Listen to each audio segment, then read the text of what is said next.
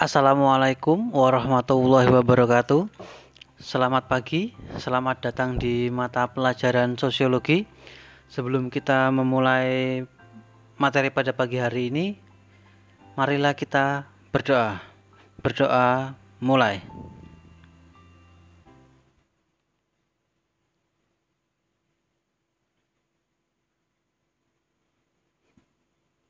Berdoa selesai.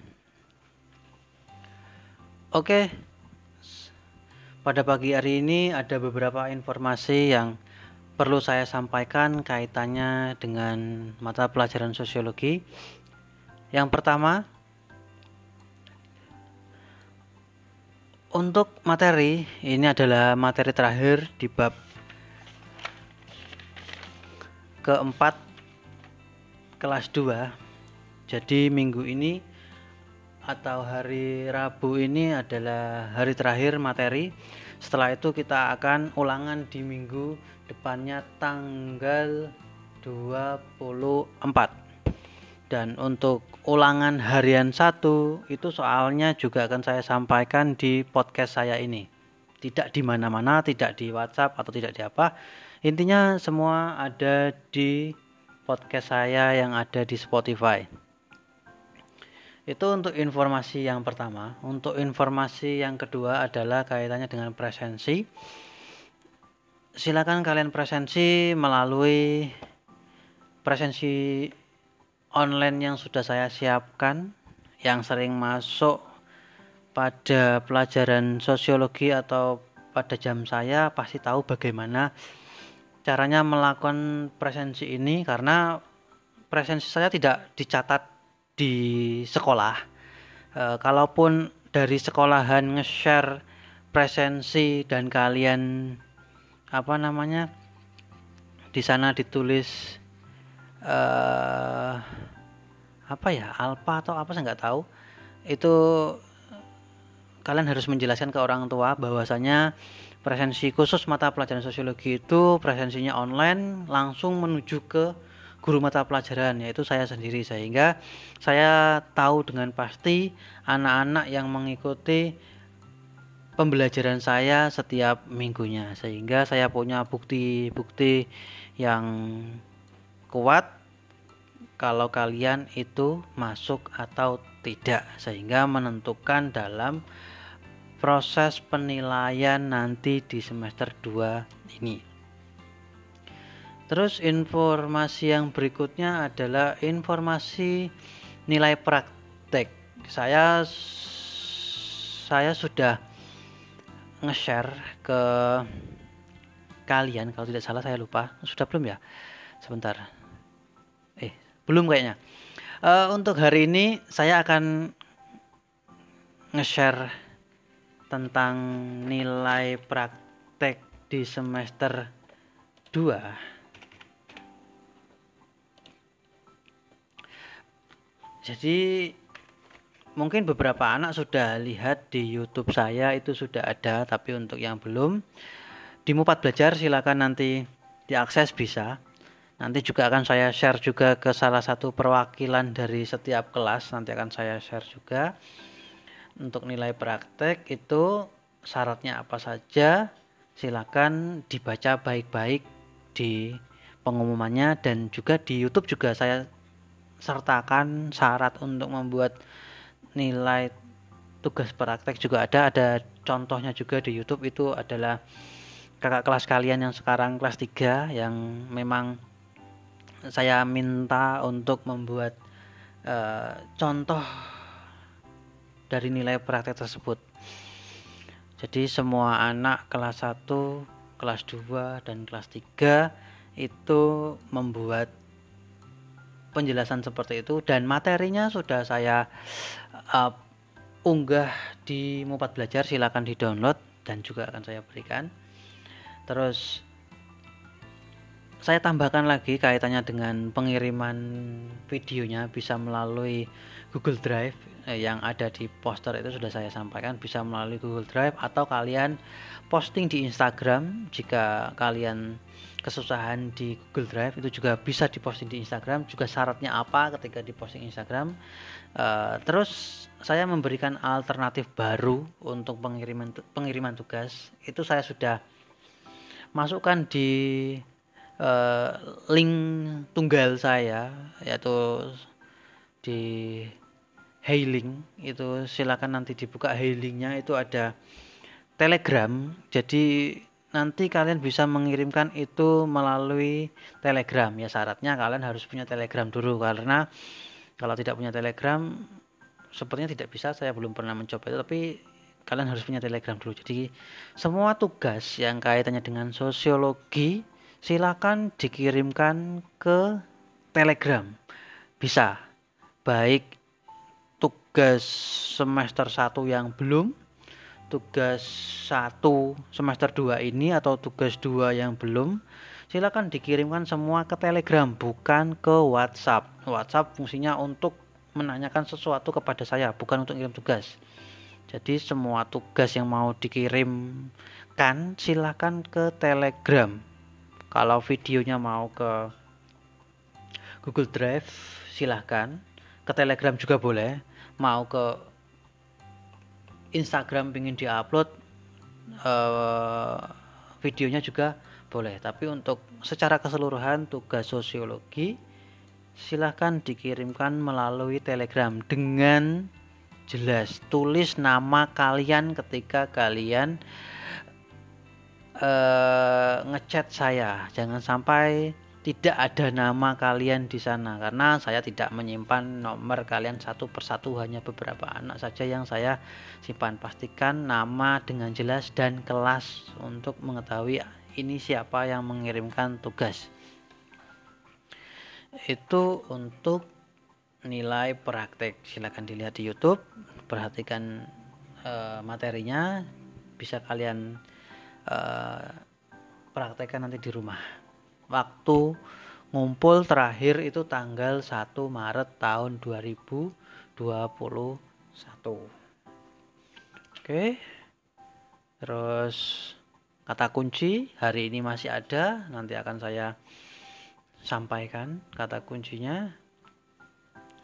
Oh ya untuk untuk beberapa anak yang belum masuk kemarin-kemarinnya lagi atau yang kalian tahu ada beberapa anak yang belum pernah masuk sama sekali.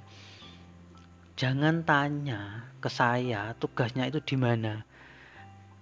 Tanyakanlah itu pada diri kalian sendiri. Di grup itu sudah di share sama perwakilan kelas sama wali kelas kalian. Itu presensi juga di share dan lain sebagainya. Semua sosiologi itu ada laporannya. Jadi ini ada yang tanya tugas, materi apa dan sebagainya, silahkan dibuka saja Spotify saya. Semuanya ada di situ. Cari saja tanggalnya, babnya, kelasnya sesuai dengan kelasnya masing-masing. Jadi tidak perlu menanyakan itu lagi kaitannya tetek bengek dan lain sebagainya. Silahkan diublek-ublek itu di Spotify karena semuanya ada di situ setiap pertemuan. Dan saya selalu hadir setiap minggunya, tidak pernah uh, tidak hadir karena kemarin ada anak yang apa ya bilang saya tuh nggak hadir pada hari apa. Saya tuh selalu hadir setiap minggunya wong tanggalnya ada di sana. Saya tuh selalu melakukan rekaman setiap minggunya. Dan saya rekamannya biasanya malam hari. Karena nunggu ada informasi terbaru tidak dari sekolahan atau informasi apa dari mana dan lain sebagainya. Itu untuk beberapa informasi yang perlu saya sampaikan terus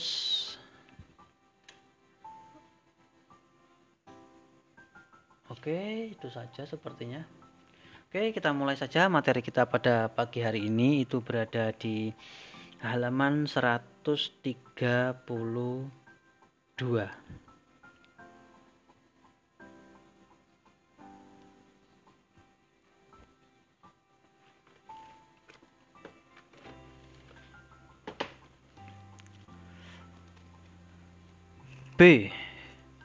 Merajut harmoni dalam masyarakat multikultural. Indonesia ini kan memiliki banyak sekali suku bangsa, banyak sekali memiliki bahasa, banyak sekali memiliki adat istiadat, ada banyak agama, ada banyak pasir juga di pantai, nggak kehitung itu. Ya oke. Keberagaman kultur Indonesia merupakan suatu kenyataan yang telah ada sejak lama. Dengan populasi penduduk mencapai 2.509 948 157 jiwa. Eh, sih, bentar. 2.059.900 840 857 jiwa. Nah, kira-kira seperti itu. Data Kementerian Dalam Negeri tahun 2011 yang mendiami sekitar 11.000 pulau dari 17.504 pulau di seluruh Nusantara. Tidak kurang 200 kultur mayoritas dan bahasa daerah 6 agama resmi. Hasil revisi Undang-Undang tahun 2003-2006 tentang administrasi kependudukan hanya agama Islam, Kristen Protestan, Kristen Katolik, Hindu, Buddha, dan Konghucu yang dapat dicantumkan pada IKTP. Oke, saya mendengar kata IKTP, saya teringat tentang yang lagi viral kemarin, katanya di dalam IKT IKTP itu dipasangi chip yang bisa mendeteksi apa namanya orang di mana. Ya namanya juga IKTP ya pasti ada chipnya. Nih bukan IKTP ya berarti ya KTP itu ya kertas lembar. Itu saja terus di lamilating jadi nih IKTP itu ya memang ada chipnya untuk menyimpan data. Bukan berarti chip yang ada di dalam iktp yang lagi booming itu uh, semacam pendeteksi atau apa ya tidak. Itu ya memang fungsinya iktp ya untuk menyimpan data kalian itu sendiri. Jadi jangan sampai termakan isu-isu yang lagi viral saat ini kaitannya dengan iktp terus iktp ini dirusak karena itu akan mendapatkan sanksi dan tidak akan dibuatkan lagi iktp oleh pemerintah. Itu yang saya dengar kemarin beritanya. Dan berbagai penghayat kepercayaan maupun agama asli Nusantara, Sunda Wiwitan, Kejawen, Parmalim, Kaharingan, Tonas Walian, Tolotak, Wetutelu, dan sebagainya. Tidak ada yang bisa membantah bahwa Indonesia teramat kaya dengan keberagaman dan perbedaan. Akar multikulturalisme inilah yang disadari oleh para pendiri bangsa sehingga akhirnya memutuskan untuk mempersatukan dalam ikatan Pancasila dan semboyang Bhinneka Tunggal Ika. Walau telah dipersatukan oleh Pancasila dan semboyan Bhinneka Tunggal Ika, keragaman Indonesia tetap menghadapi sejumlah tantangan. Prasangka dan stereotip sering mencuatkan beragam perilaku yang menimbulkan hantaman dalam pergaulan Sementara etnosentrisme dan fanatisme berkali-kali berujung konflik antar kelompok masyarakat. Untuk mengatasi semuanya, dalam rangka merajut harmoni dalam, dalam perbedaan dibutuhkan solusi. Kemarin kita sudah belajar apa itu primordialisme, etnosentrisme, rasisme, seksisme. Nah, kaitannya dengan masyarakat multikultural biasanya ini sering sekali keluar yang namanya etnosentrisme atau fanatisme yang mana suatu sikap menilai kebudayaan atau kelompok masyarakat lain dengan menggunakan ukuran-ukuran yang berlaku di dalam kelompok atau masyarakatnya. Jadi sikap semacam ini biasanya sering sekali menimbulkan sebuah konflik karena menganggap kelompoknya lah yang paling baik atau paling bagus atau paling ya nomor siji lah sak kelompok-kelompok liane. Nah, karena sikap dan pandangan inilah maka sering sekali orang-orang yang memiliki sikap ini sering sekali terlibat keributan atau konflik antar kelompok-kelompok masyarakat yang lainnya. Maka dibutuhkan uh, solusi yang berlandaskan multikulturalisme. Jadi jika kalian ingin tahu seberapa besarnya Indonesia ini, ya kalian perlu menjelajahnya.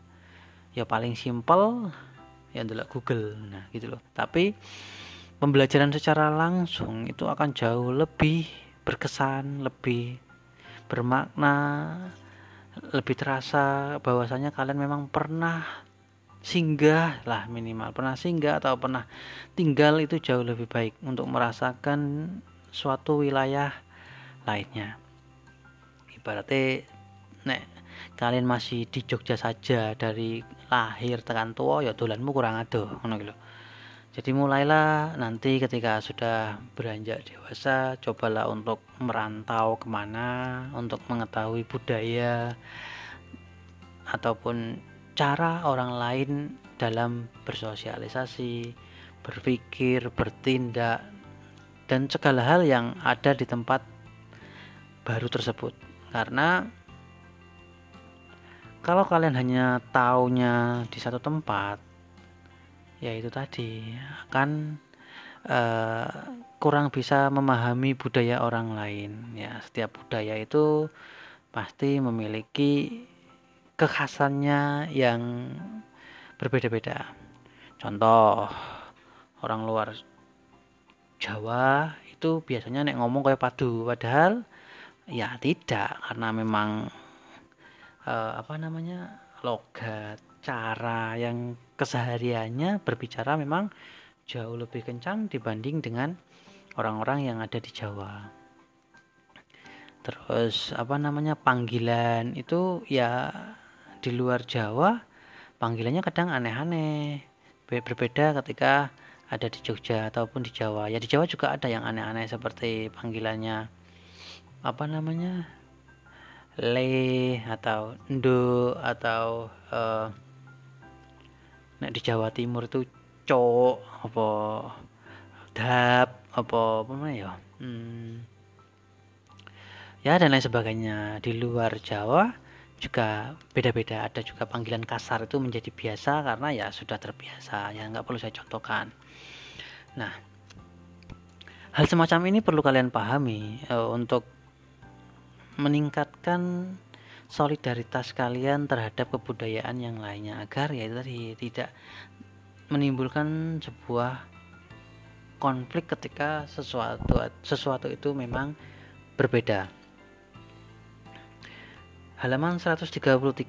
Langsung saja di paragraf kedua. Di Indonesia sesungguhnya telah diberlakukan Undang-Undang Nomor 40 Tahun 2008 tentang penghapusan diskriminasi ras etnis sebagai salah satu bentuk kebijakan multikultural. Pada pasal 3 undang-undang ini dikemukakan bahwa penghapusan diskriminasi ras dan etnis bertujuan mewujudkan kekeluargaan, persaudaraan, persahabatan, perdamaian, keserasian, keamanan, dan kehidupan bermata pencaharian di antara warga negara yang pada dasarnya selalu hidup berdampingan. Nah, jadi sesuai undang-undang yang ada itu diskriminasi ras atau etnis itu ya dihapuskan tujuannya salah satunya adalah untuk perdamaian dan keamanan. Mengapa di Indonesia ini banyak tempat yang memang berbeda etnis, berbeda budaya. Contoh di Semarang. Di Semarang itu warga lokal asli Semarang banyak. Warga keturunan Cina di Semarang juga banyak. Kenapa kok bisa bersampingan? Yaitu tadi menghapus karena pemerintah telah menghapuskan diskriminasi dan apa diskriminasi ras dan etnis sebagai bentuk kebijakan multikultural tadi walaupun budaya eh, apa namanya warga keturunan Tionghoa itu ya bukan budaya asli Indonesia tapi yang dimaksudkan adalah ya di etnis yang ada di Indonesia itu akhirnya bisa saling berdampingan, perdamaian, saling memahami atau persahabatan dan persaudaraan intinya ya saling menghargai saja. Terus di Jogja ini juga ada juga nggak hanya di Semarang kaitannya dengan etnis-etnis yang ada di Jogja. Jogja ini termasuk uh, multikulturalnya sangat jelas karena Jogja sempat dijuluki dengan Indonesia mini karena hampir semua orang yang ada di Indonesia mulai dari Sabang sampai Merauke itu ada di Jogja. Mulai dari para pekerja mahasiswa ataupun para pelancong yang memang uh, bertujuan liburannya ke Jogja.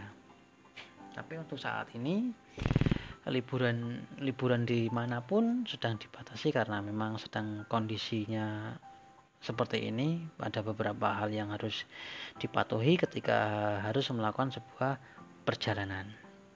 Nah, dalam perjalanan pun biasanya warga-warga lokal itu sangat ramah terhadap pendatang karena ya itu tadi pendatang yang dari luar kota itu biasanya akan menambah menambah menambah devisa daerah ataupun menambah penghasilan bagi warga setempat yang berjualan. Ya kalian bisa lihat di sekitaran Malioboro, Taman Sari, Candi Prambanan ataupun beberapa uh, tempat wisata yang ada di Kota Jogja sehingga dengan kehadiran orang-orang yang ber, yang dari luar Jogja bisa menambahkan pundi-pundi dari sektor ekonomi masyarakat Kota Jogja dan masyarakat di sekitaran kota Jogja. Kita masuk ke halaman 134. Nah, ini dia. Nomor 2, mengendalikan prasangka dan diskriminasi. Baron dan Brain dalam Sarwono 2012 menjelaskan beberapa teknik yang dapat digunakan untuk mengendalikan prasangka dan diskriminasi. Salah satunya adalah belajar untuk tidak membenci. Cukup sulit tapi tidak cukup susah untuk diterapkan. Para sosiolog dan psikolog sosial meyakini bahwa anak belajar berprasangka dari orang tua dan media massa. Dengan demikian, upaya logis yang dapat dilakukan adalah dengan mencegah orang tua atau orang dewasa lain menularkan sikap negatif tersebut kepada anak. Namun, dalam praktiknya hal ini tidak sederhana. Seringkali orang dewasa bahkan tidak menyadari prasangkanya sendiri. Oleh karena itu, langkah pertama yang harus dilakukan adalah membantu orang dewasa untuk menyadari prasangka yang dimilikinya Barulah kemudian memotivasinya agar tidak menularkan prasangka tersebut kepada anak-anaknya.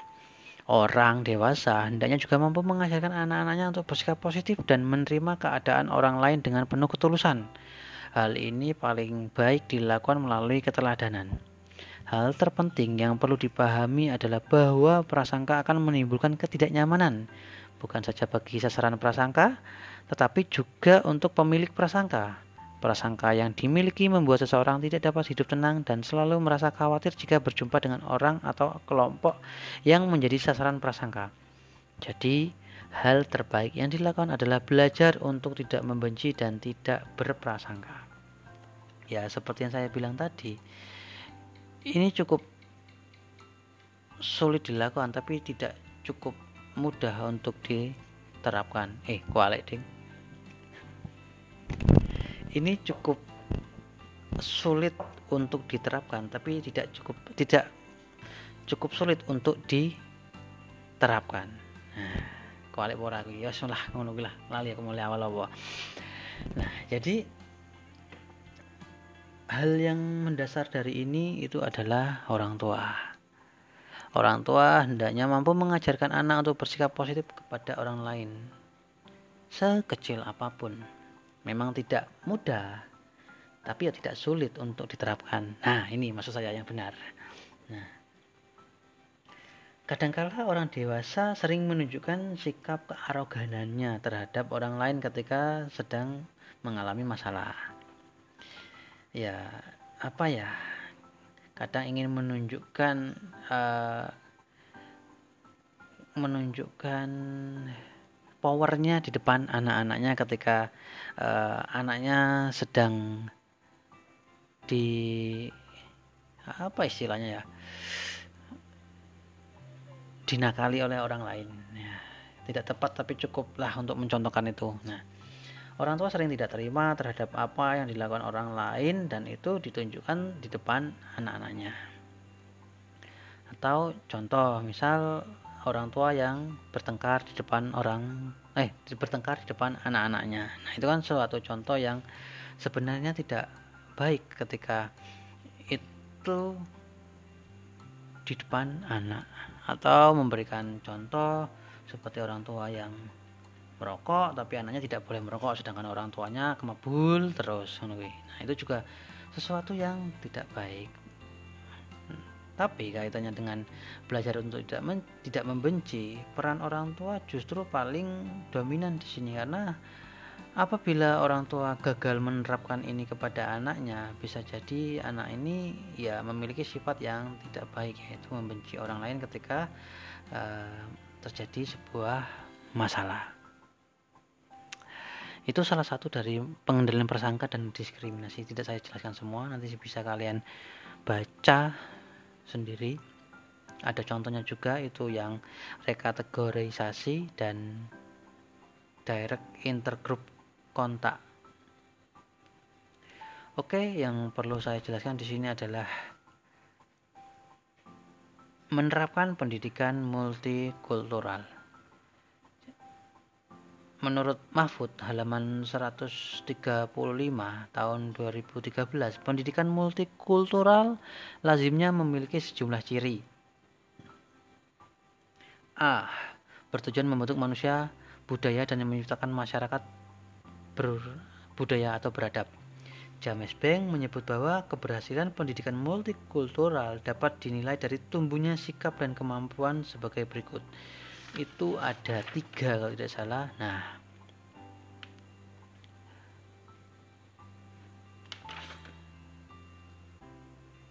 Itu ethnic identif identifis clarification yaitu bersikap positif terhadap budayanya sendiri sekaligus menunjukkan sikap menerima budaya-budaya lain. Sudah tiga, kalian bisa baca saja terus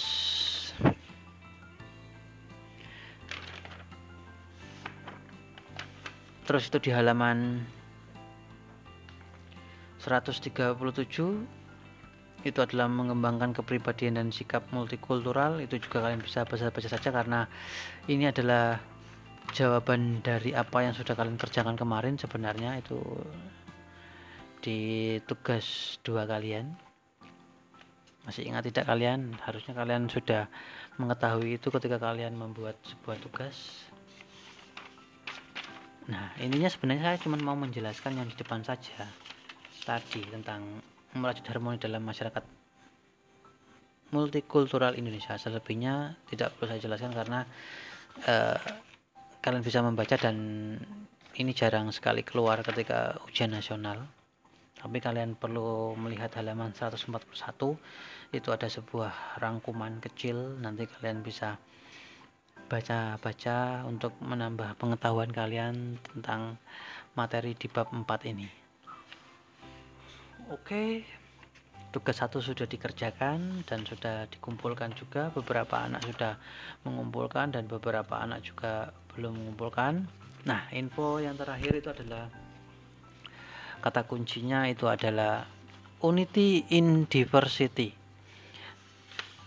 Jadi infonya adalah untuk penilaian tengah semester yang kedua ini nanti soalnya kalau tidak salah itu sekitar 25 materinya tentang bab 4 ini.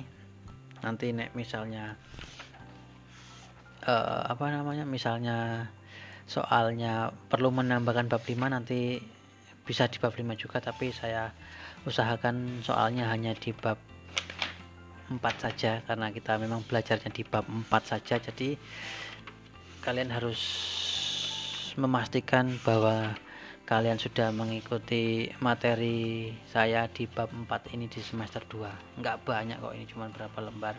Harusnya nanti ketika ujian nilainya cukup memuaskan untuk diri kalian bukan untuk saya. Karena itu adalah hasil jeripayah kalian selama berapa minggu ya?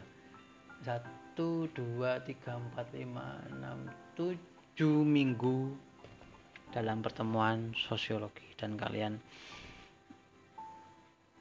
harus mendapatkan nilai yang baik. Karena kondisi saat ini tentunya belajarnya kurang efektif tidak ada pertemuan. Terus ya cukup cukup dibatasi oleh keadaan.